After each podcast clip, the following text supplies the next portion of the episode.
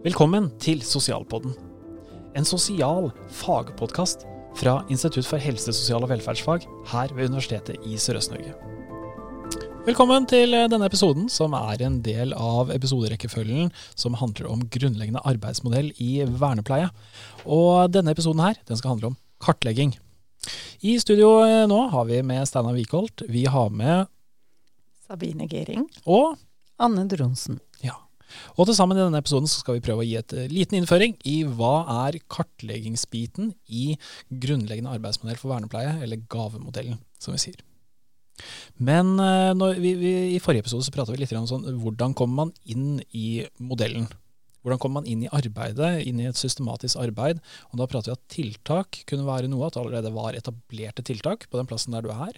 Ellers kan det også være at du, du vet om en utfordring, en problem, et problem. Men så må man gjøre noe mer enn det. Anne?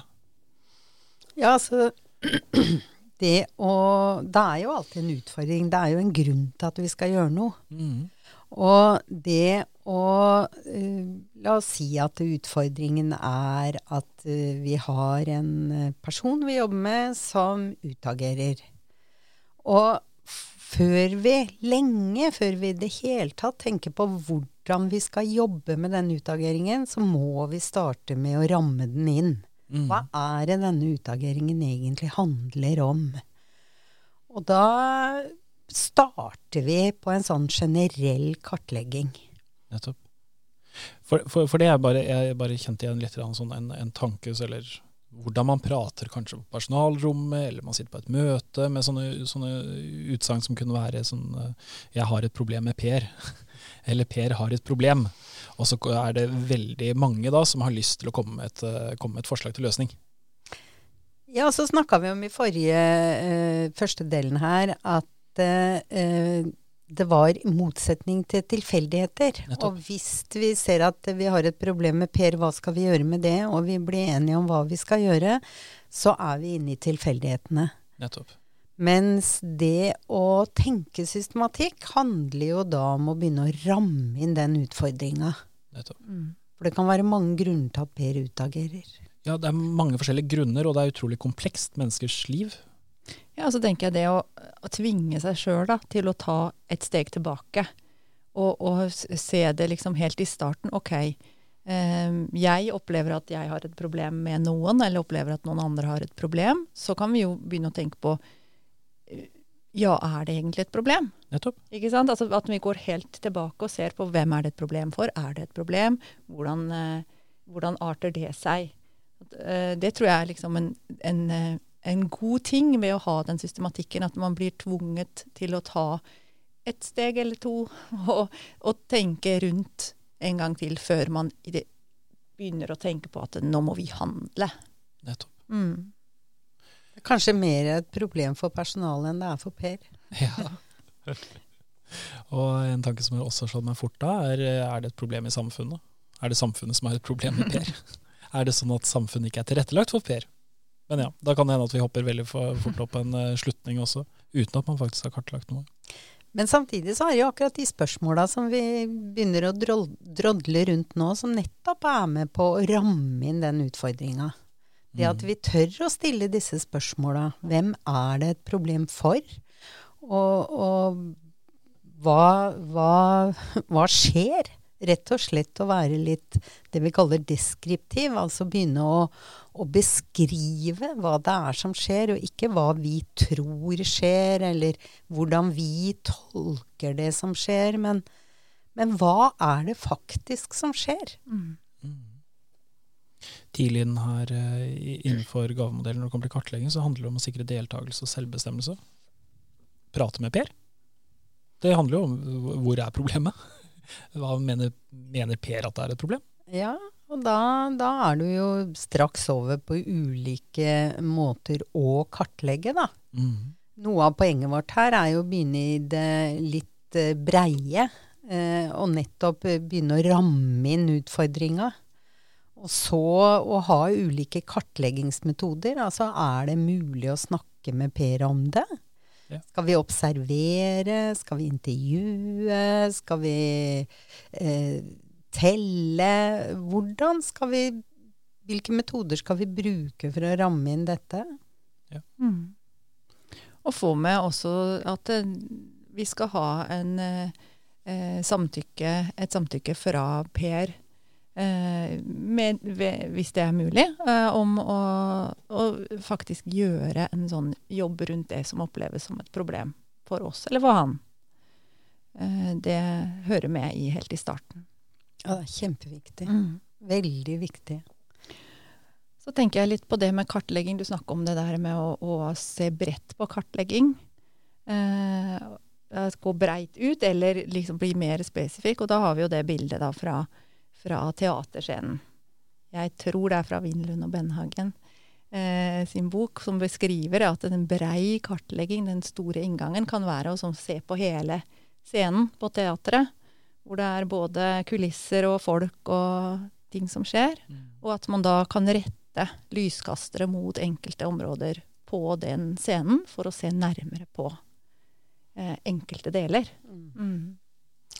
Og så er det jo en viktig ting for eh, oss som vernepleiere, da. Det er jo at vi er eh, autorisert helsepersonell. Så dette helseperspektivet, altså at eh, denne utageringen til Per, da, hvis vi skal holde oss i det eksempelet, kan jo skyldes helseutfordringer. Ja. Og det kliniske blikket er vel noe av det første vi må gå inn med, og, og se om dette har noen helseutfordringer som vi må jobbe med før vi kan begynne å, å jobbe med utageringen. Og da har vi noen kartleggingsmetoder som kan være relativt i hermetegn enkle. og det Per tar en tur til legen, man blir med Per, man tar noen tester. Og da gjør man jo en kartlegging av Per sin helsesituasjon. For eksempel. Eller det kan være at Per er obstipert, At han rett og slett ikke har vært på do den siste uka. Eller Men det sier jo litt om at eh, også i kartleggingen så kommer man jo ikke inn med blanke ark, ikke sant. Vi kommer inn og har ulike fokusområder som vi ser på, og da er det jo det at den, akkurat det med helse, det er en viktig, et viktig fokusområde å ha. Sånn at eh, vi, vi vil alltid, når vi kartlegger, velge ut ting vi ser på, og andre ting som vi ikke ser på. Det må vi være veldig bevisst på at vi gjør. Det, vi, vi klarer på en måte ikke å ha det derre se på alt samtidig. Nei. Mm. Men eh, når vi da skal bestemme at det er noe vi skal se nærmere på, så blir spørsmålet ja, men hvordan skal man kartlegge det? Og da går det videre sånn ja, men hva kan vi som vernepleiere om kartlegging? Hvor, hva, har vi en kartleggingsbank? Det var et ledende spørsmål. vi, vi kan en del om kartlegging, men det kan være av og til vanskelig å huske at vi kan mye om kartlegging. Eh, observasjon er en kartleggingsmetode. Vi har intervjuer som kartleggingsmetode, vi kan ha samtaler. Ja, jeg tenker at altså, vi opererer i en kunnskapsbasert praksis. Mm. Og i en kunnskapsbasert praksis så har vi, vi har vitenskapen, vi har forskninga, vi har erfaringene, vi har brukerkunnskap, og vi har brukermedvirkning som noen sånne helt klare deler som vi må forholde oss til, og som er en del av det å jobbe i en kunnskapsbasert praksis. Og når vi da går inn med kartlegging, så er vi jo i alle de delene, ikke sant. Vi vet noe om eh, forskningsmetoder. Mm. Og en forskningsmetode kan være kobla til det å observere, det å, å intervjue. Vi snakker jo om kvalitative metoder og kvantitative metoder. Og det er klart med den kunnskapen, fordi vi har eh, et kunnskapsgrunnlag, så hvis problemstillingen da er antall utageringer eller antall våte bleier, så vet vi at vi er inne i en sånn kvantitativ kartlegging hvor vi teller en forekomst.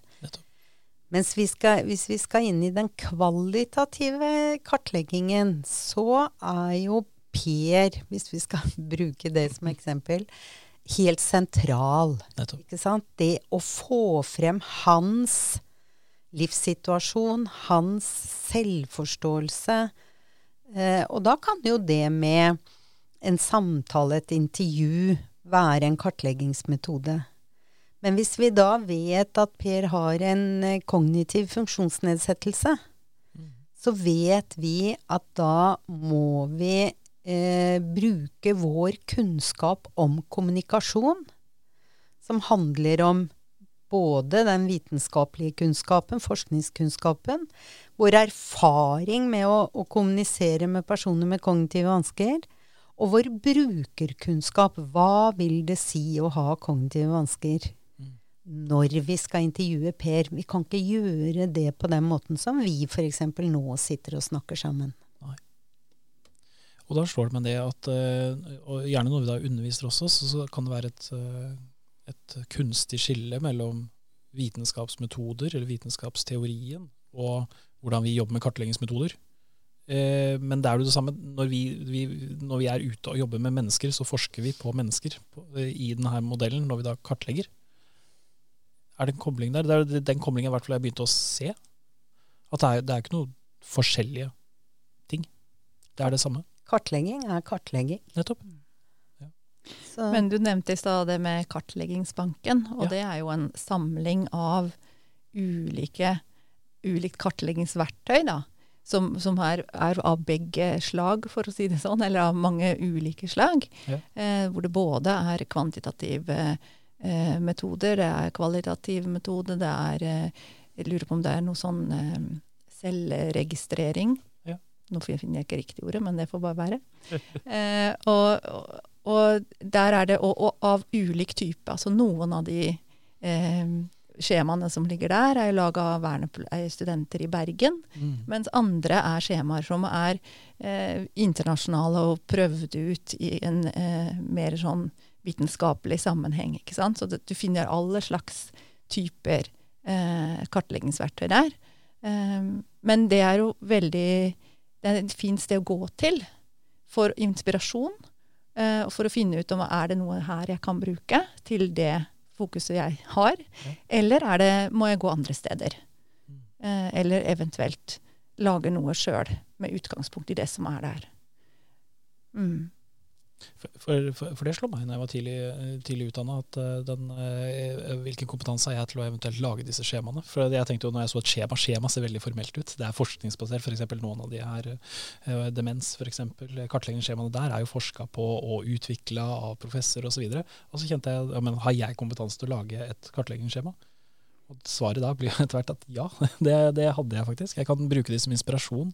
Jeg kan prøve å systematisere mine egne observasjoner gjennom å bruke mine egne skjemaer eh, og lage disse selv? Det handler jo om hva man ønsker å finne ut av, og i hvilken grad det skal si noe om eh, det du finner ut av, skal sammenlignes med noe annet. ikke sant? Da er du straks ute på mye mer avanserte ting. Men hvis du skal lage noe som du f.eks. skal telle hvor mange ganger noe skjer i løpet av en dag, eh, og du finner bare et skjema som handler om hvor mange ganger noe skjer i løpet av en uke, mm. så kan du jo enkelt tilpasse dette sjøl. Kartlegging eh, strekker seg jo også opp mot det vi kaller utredning. Og der er det jo ulike eh, tilnærminger, og det er viktig at når vi snakker om kartlegging i vårt arbeid, så handler det om kartlegging eh, knytta til enkeltpersoner og hvem de er og hva de får til. Mens eh, andre profesjoner kan jo ha eh, kan jo ha kompetanse til å drive mye mer og omfattende kartlegging for f.eks. å utrede diagnoser eller noe vi som vernepleiere ikke har. Men vår kartlegging av hvem personen er, kan jo være et bidrag inn i en utredning. Så vi kan jo være leverandører til f.eks. psykologer da, som holder på med en utredning knytta til f.eks. diagnostiseringer. Så kartlegging altså, er hele grunnlaget for å gjøre noe. Nettopp. Og, og gjennom denne kartlegginga sikrer vi da nettopp nødvendig dokumentasjon. Litt sånn som du sier der, at ja, hvis man da skal gå videre til en annen instans, spørre om hjelp der, henvise til så har man et grunnlag. Vi har allerede dokumentert noe, vi har gjort det systematisk, det har vært registrert en plass. Og det danner et grunnlag som da kan hjelpe noen andre eh, videre i et behandling eller gi hjelp. Dokumentasjon er jo? Det er helt grunnleggende. Jobber vi med individuell plan f.eks., så må vi dokumentere hva vi holder på med. Det å dokumentere faglig eh, arbeidet vårt handler jo om å kunne argumentere for hvorfor vi gjør det vi gjør, ut fra hvem den personen vi skal jobbe med, er. Og, og det å dokumentere Altså, et sted hvor, hvor, dette med dokumentasjon er veldig sånn sentralt, er jo f.eks. innenfor barnevernet. Hvor du må hele tiden dokumentere hva du har gjort, fordi det er hele grunnlaget for å vurdere din omsorgskompetanse. Så dokumentasjon er helt grunnleggende i et systematisk vernepleiefaglig arbeid. I tillegg så vil det også være at eh, når du først har kartlagt noe, så er det f.eks. det å lage en baseline. Du kartlegger en baseline, hvordan er ting i hverdagen. Så kan du lage et tiltak etterpå, og så kan du kartlegge på nytt igjen. Ja, men har det hatt en effekt? Har, ser vi en endring? Og da kan du gjennomføre den samme kart kartlegginga en gang til. Hvis du da har systematisert den kartlegginga, så er du sikker på at det, det, det, du prøver å måle, har det vært en endring, det vil faktisk eh, være mer valid. Ikke bare kan, men kanskje skal. Hvis du starter med en baseline, så må du jo sammenligne den etterpå. Mm. Da har vi runda av eh, kartleggingsepisoden, og da ses vi i neste episode, som skal handle om Analyse og drøfting. Ja, vi ses.